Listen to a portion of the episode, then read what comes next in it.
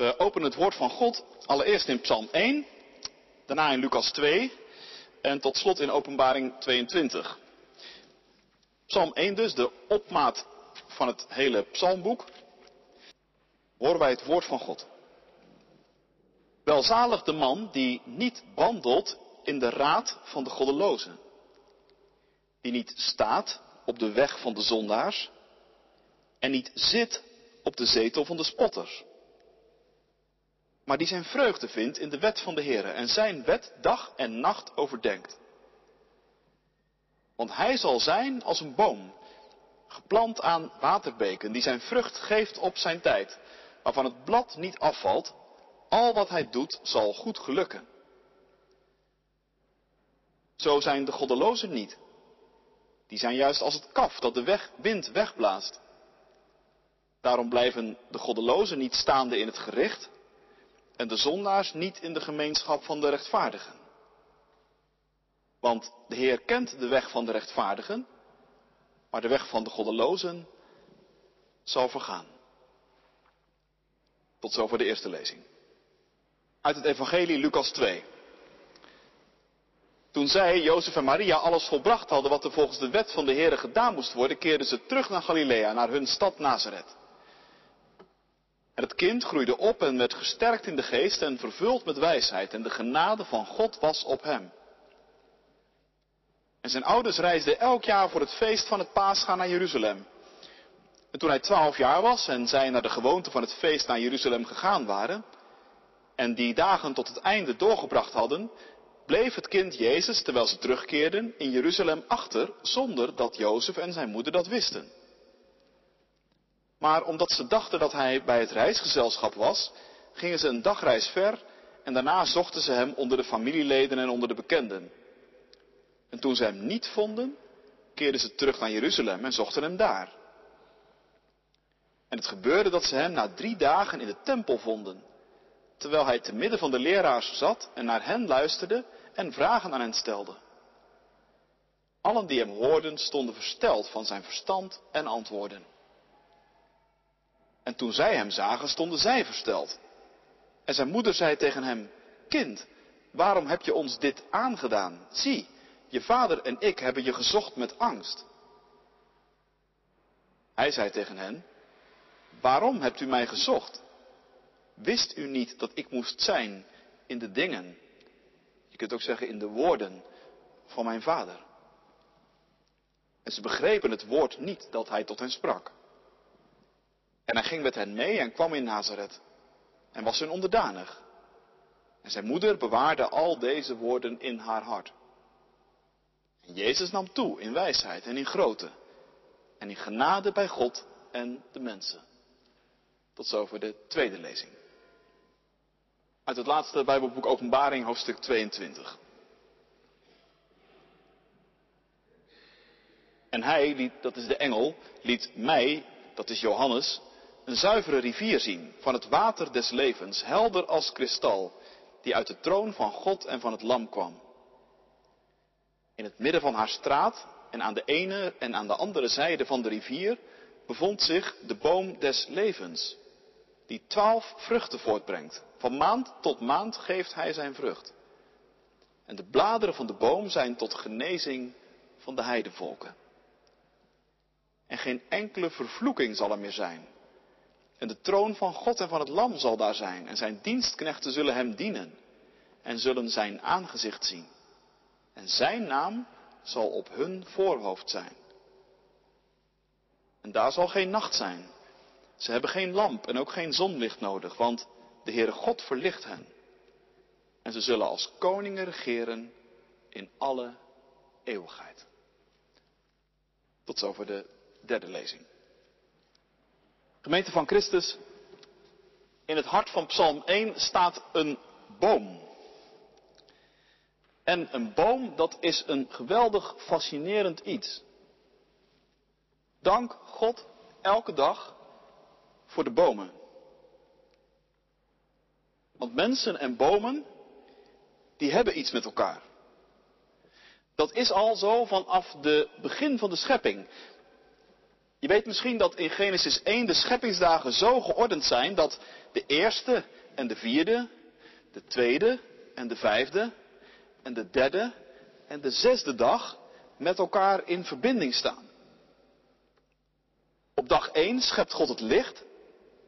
Op dag 4 hangt hij de lampen op. Zon, maan en sterren. Op dag 2 worden water en lucht van elkaar gescheiden. Op dag 5 worden ze gevuld met vogels en vissen. Op dag 3 zet God planten en bomen op de aarde. En op dag 6 dieren en mensen. Je voelt de verbinding. En in onze taal is die verbinding nog altijd heel duidelijk bewaard gebleven.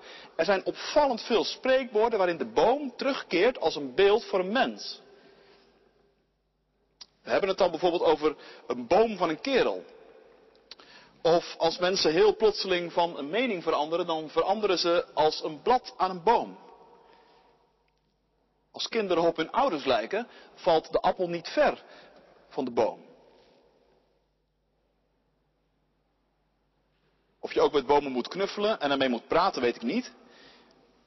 Maar dat je protest aan moet tekenen als bomen zomaar achterloos gekapt worden, bijvoorbeeld voor de verbreding van de A27, dan doe je iets goeds. De boom van Psalm 1. Daar staat hij. Stevig geworteld in de aarde, kruin geheven naar de hemel, takken stevig en wijd, vol mooie en groene bladeren. Mensen en dieren profiteren van de schaduw op hete dagen. En ieder blad is een zuurstoffabriekje op zich. En langzaam, heel langzaam groeit hij. Jaar na jaar komt er een ring bij. Wonder van groeikracht. Zolang je een boom niet ruw omhakt, zul je het niet van hem winnen. De stoeptegels winnen het niet van de wortels, het asfalt niet. Onze boomhut wint het niet van de stam die jaar na jaar toch uitdijt, ook al zie je het niet gebeuren. Wat er diep van binnen in die bomen allemaal gebeurt, dat is met geen pen te beschrijven. Eén groot biologisch en natuurkundig wonder. Dat het die wortels lukt om vocht uit de aarde op te nemen. Dat het die stam lukt om water naar boven te transporteren. Terwijl water altijd een weg naar beneden zoekt. Waar vind je zoiets fascinerends?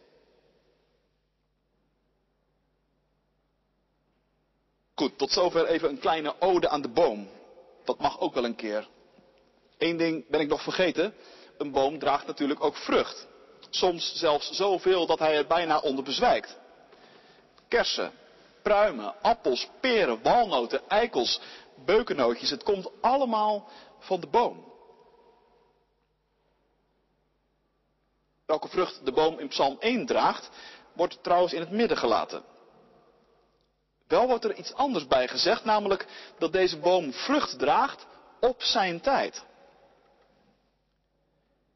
Je zou dat natuurlijk nog een beetje kunnen beschouwen als een, beetje een triviale mededeling. Een, een boom geeft nu eenmaal niet het hele jaar door vrucht. Maar dat kan denk ik eigenlijk niet, want in het Hebreeuws zijn die woorden op zijn tijd exact de drie middelste woorden van de hele psalm. Dat geeft te denken. Vrucht op zijn tijd dat is denk ik meer dan vrucht op het te verwachten moment. Ik denk dat je mag lezen vrucht op Gods tijd. Want dat is namelijk wel het geheim van deze boom, dat hij in verbinding staat met God. Hij is geplant aan Gods water en de vruchten die deze boom geeft zijn niet zomaar vruchten, maar vruchten van de geest. Veel later in de Bijbel noemt Paulus ze op liefde, blijdschap, vrede, geduld, vriendelijkheid, goedheid, geloof, zachtmoedigheid, zelfbeheersing.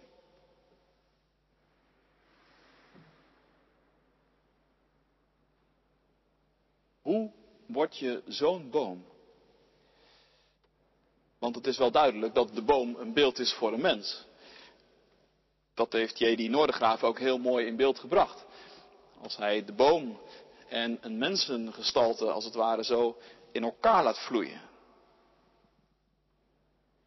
Het gaat in deze psalm over de vraag hoe je een vruchtbaar leven leidt. En het begint met het woordje geluk. Waar vind je nou eigenlijk geluk? Gelukkig. Gelukkig een mens. Dat is de eerste zin. Nou denk je, wat zou er nu komen? Wat maakt ons mensen nou gelukkig? Geluk is zo ongeveer het enige ding waar iedereen in zijn leven op hoopt. Dus het antwoord is best van belang. Maar de psalm maakt eerst een omtrekkende beweging. Het gaat eerst over wat geen geluk brengt. Over de weg waarop geen geluk te vinden is. Geluk is niet te vinden in de buurt van wie kwaad doen. Niet op de weg van de zondaars. En niet aan de tafel bij de spotters. Nou lijkt dat ongeveer drie keer hetzelfde gezegd. Maar als je goed kijkt, dan zie je ook dat hier geen woord te veel staat. En alles op zijn plek valt. In de drie werkwoorden zit een opbouw. Het gaat over wandelen. En dan over staan. En dan over zitten. De beweging wordt steeds trager.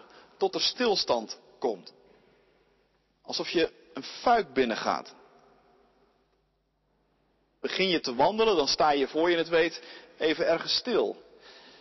Sta je eenmaal stil, dan is de verleiding groot om er een bankje of een terras bij te pakken en even te gaan zitten. En voor je het weet zit je inderdaad aan tafel, zegt de psalm. Bij spotters en bij snoevers. Ook daar zit trouwens een opbouw in. Het gaat een beetje van kwaad tot erger. Die goddelozen, dat zijn mensen die God niet kennen. Je moet denken aan mensen die een heel andere levensoriëntatie hebben. De nieuwe Bijbelvertaling heeft het over degenen die kwaad doen, maar dat is het punt niet. Goddelozen kunnen juist hele fijne mensen zijn. Betere mensen dan jij en ik. Maar het punt van de Bijbelschrijver is hier dat de goddeloze God niet kent. Ken je God wel? Maar laat je hem heel bewust links liggen? Dan ben je in de Bijbel een zondaar. De tweede categorie. Iemand die zijn doel mist, terwijl hij het wel weet. En de climax? Dat zijn hier de spotters. Die kennen God, laten hem links liggen en vinden het daarbovenop nog nodig om de naam van God door het slijk te trekken en alles wat heilig is bespottelijk te maken. Nou, daar moet je dus al met al niet wezen als je echt geluk wilt vinden, zegt Psalm 1. Doe het niet, trap er niet in, blijf uit die fuik.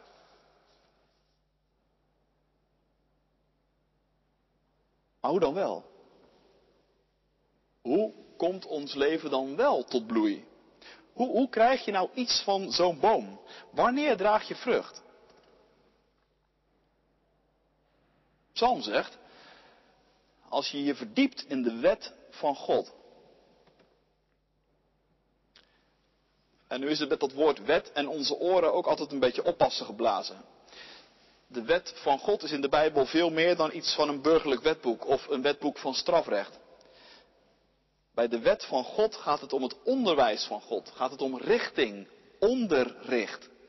De wet van God, dat zijn alle woorden die tot de weg van het leven leiden. En die ons daarop willen houden en op willen begeleiden. En omdat het de woorden van het leven zijn, kan het ook niet anders dan dat het woorden zijn waar je van opknapt. Je vindt er vreugde in, zegt de psalm. Zoveel vreugde dat het Jodendom daar nog altijd een speciaal feest voor heeft. Simchat Torah, vreugde der wet. En dat is een uitbundig gebeuren. Dan wordt er met Torahrollen in de hand letterlijk rondgedanst in de synagoge. Want bezig zijn met Gods woorden geeft vreugde. Stel je voor dat je het zonder de woorden van God zou moeten doen. En als je dan eenmaal de smaak te pakken hebt, dan is het je ook niet snel te veel. Het is je lust en je leven, je hart en je ziel. En dan ben je ook, voordat je het weet, er dag en nacht mee in de weer. Zoals een hond druk is met een bot, schreef Willem Barnard. En de belofte van deze psalm is dus dat er gaandeweg dan ook iets met je gebeurt. Dat je gaandeweg op zo'n boom gaat lijken. Want die woorden van God zijn als stromend en levend water. En als je daar je wortels in uitslaat, ja, dan ga je vroeg of laat groei merken. Je leven krijgt houvast, krijgt stevigheid, krijgt diepte. En niet te vergeten, gaat vrucht dragen op zijn tijd.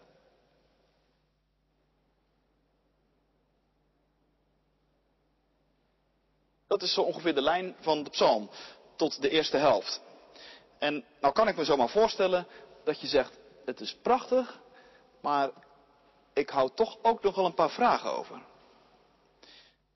Want je hebt misschien al even doorgelezen en behalve het beeld van die boom die zo prachtig uitgepakt wordt, is er in deze psalm ook nog dat andere beeld van het kaf.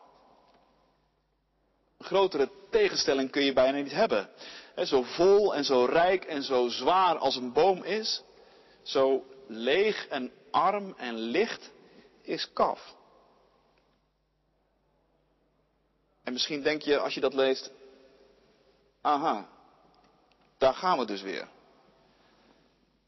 Wie geen boom is, ja, die is natuurlijk kaf. Het wordt allemaal weer eens even heerlijk kinderlijk eenvoudig gemaakt. Twee soorten mensen, goede en foute. Lekker zwart-wit. Maar de wereld zit toch wel wat complexer in elkaar.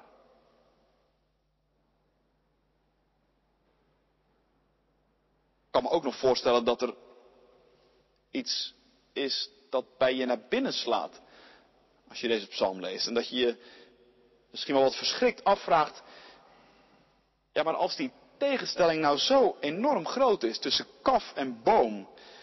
Als je nou pas vrucht draagt als je dag en nacht vreugde vindt in de woorden van God. Dan is de vraag wie daaraan tippen kan. Wie kan dat nou serieus zeggen? Dat hij dag en nacht met de woorden van God bezig is en dat ook nog eens een keer beschouwt als zijn lust en zijn leven? Maar niemand toch zeker. Kijk, dat kaf, dat staat me niet aan. Ik kan me best voorstellen dat je dat denkt, dat je dat, je dat echt niet zijn wilt. Maar als het alternatief dan zo'n bloeiende boom is, dan kan ik me ook voorstellen dat je na het lezen van deze psalm dat ook nou niet echt zo met zekerheid durft te zeggen.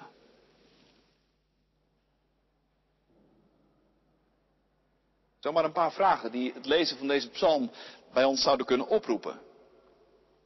En ik kan me daar iets bij voorstellen. Maar tegelijkertijd gaan we dan ook een kant op met dit lied waar deze psalm ons toch echt niet wil hebben. De psalm wil ons niet wanhopig maken. Wil ons ook bepaald niet op onszelf terugwerpen. Wil ons niet veroordelen tot een soort permanent zelfonderzoek. En het is ook zeker niet de bedoeling dat je met deze psalm in de hand door de wereld gaat en andere mensen eens een beetje gaat beoordelen. Daar loopt een boom, daar zwerft kaf, jij alweer kaf, daar misschien nog ergens een boom. Nee. Nergens worden wij in de Bijbel opgeroepen om op het oordeel van God vooruit te lopen. Ook niet in deze psalm. Beter kun je de psalm denk ik zo lezen. Als een palet, een schilderspalet, waarop twee manieren van in het leven staan worden geschetst, die allebei in mij wonen. Allebei tegelijk. Jij en ik, wij weten wat het is om bezig te zijn met de woorden van God. Dat doen we. Dat doen we nu. Dat doen we ook op andere momenten. En wij kennen ook echt wel iets van de vreugde die dat geeft. De extase soms. Niet altijd, maar het is er wel. En wij weten ook diep van binnen dat het woord van God ons een houvast geeft. Dat we nergens anders zo vinden. Dat het woord van God grond is waarin je kunt wortelen op geen enkele andere manier. En vrucht. Het zou ook God geweldig tekort doen als we zouden ontkennen dat er vrucht is in ons leven. Dat is de ene kant. Tegelijk is dat, dat kafachtige bestaan ons ook niet vreemd. Ook dat hangt voortdurend in de lucht en zweeft om ons heen. We wandelen er zo makkelijk in mee. Stilstaan doen we ook. Ja, en zelfs er middenin gaan zitten, dat is ons niet vreemd. We weten dat er een manier van leven bestaat die uiteindelijk in die end leeg is, ondraaglijk licht en foos als een leeg beukennootje. Maar dat diezelfde manier van leven ook een soort wonderlijke aantrekkingskracht kan hebben. En, en tegelijk, als je er weer eens een keer in getuind bent, ook zo enorm tegenvalt. Dat is allebei tegelijk waar. En die twee manieren van leven, die, die strijden ook wel in ons. Die staan soms, zoals een lied het zegt, gewapend tot de tanden tegenover elkaar. Ik denk dat dat door weinig mensen beter is aangevoeld dan door de apostel Paulus en door Maarten Luther. Tegelijk gerechtvaardigd en zondaar. In het Latijn simul justus ac peccator. Dat was de zin die, die Luther munte en waarmee hij aan precies dit dubbele gevoel in ons allemaal woorden wilde geven. Dat wij rechtvaardig en zondaar tegelijk zijn. Aan de ene kant zet dat je met beide benen op de grond. Het houdt je heel realistisch. Als je de weg van de boom in Psalm 1 gaat, dan moet je er niet gek van opkijken. Als dat kaf toch telkens weer om je heen dwarrelt. En aan de andere kant is dat zinnetje ook geweldig hoopvol. Want hoe dichtbij het kaf ook om ons heen blijft dwarrelen. Dat je een boom mag zijn die steeds dieper aan het wortelen is. En die langzaam heel langzaam misschien, maar toch heel zeker groeit en bloeit en op zijn tijd vruchten geeft. Dat maakt niemand ongedaan. Hoe ik dat zo zeker weet.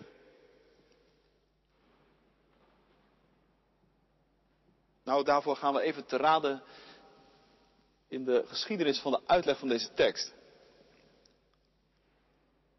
als Augustinus en met hem heel veel andere vroege kerkleraars Psalm 1 uitleggen, dan zegt Augustinus, die man in Psalm 1, dat is ten diepste er maar eentje en zijn naam is Jezus.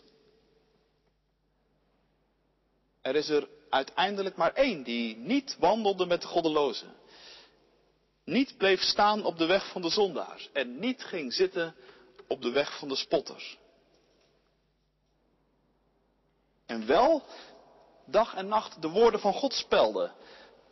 Als kind al. Wist je niet dat ik moest zijn in de dingen van mijn vader? In de woorden van mijn vader kregen Jozef en Maria te horen op hun vraag waar hij toch uithing. Die woorden van God waren zijn dagelijks brood. Hij heeft er zijn hele weg uit afgelezen, zegt de schrijver van de brief aan de Hebreeën. En zo vervult Jezus Psalm 1. En daarmee alle psalmen. Want Psalm 1 is toegangspoort tot het hele psalmboek. En als je nou let op zijn weg van kruis en opstanding, dan zou je ook nog kunnen beweren dat hij de weg van Psalm 1 in omgekeerde volgorde aflegt. Het gaat bij hem niet van wandelen naar zitten naar staan, maar het gaat van zitten of liggen in het graf naar opstaan, naar wandelen.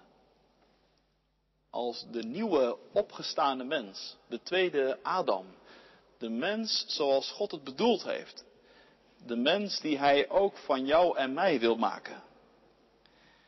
En leven met en in en vanuit Psalm 1 kan dus uiteindelijk niks anders zijn dan leven met Jezus Christus. Die vanmiddag tegen ons zegt, ook al voel je je misschien meestal meer kaf dan boom, besef dan dat je leeft voor mijn rekening. Schuil elke dag in mijn schaduw. Zit op mijn takken. Mijn kruis is door alles wat ik deed de levensboom van het paradijs geworden. Ook voor jou. Wie zou zo niet gelukkig willen zijn? Amen.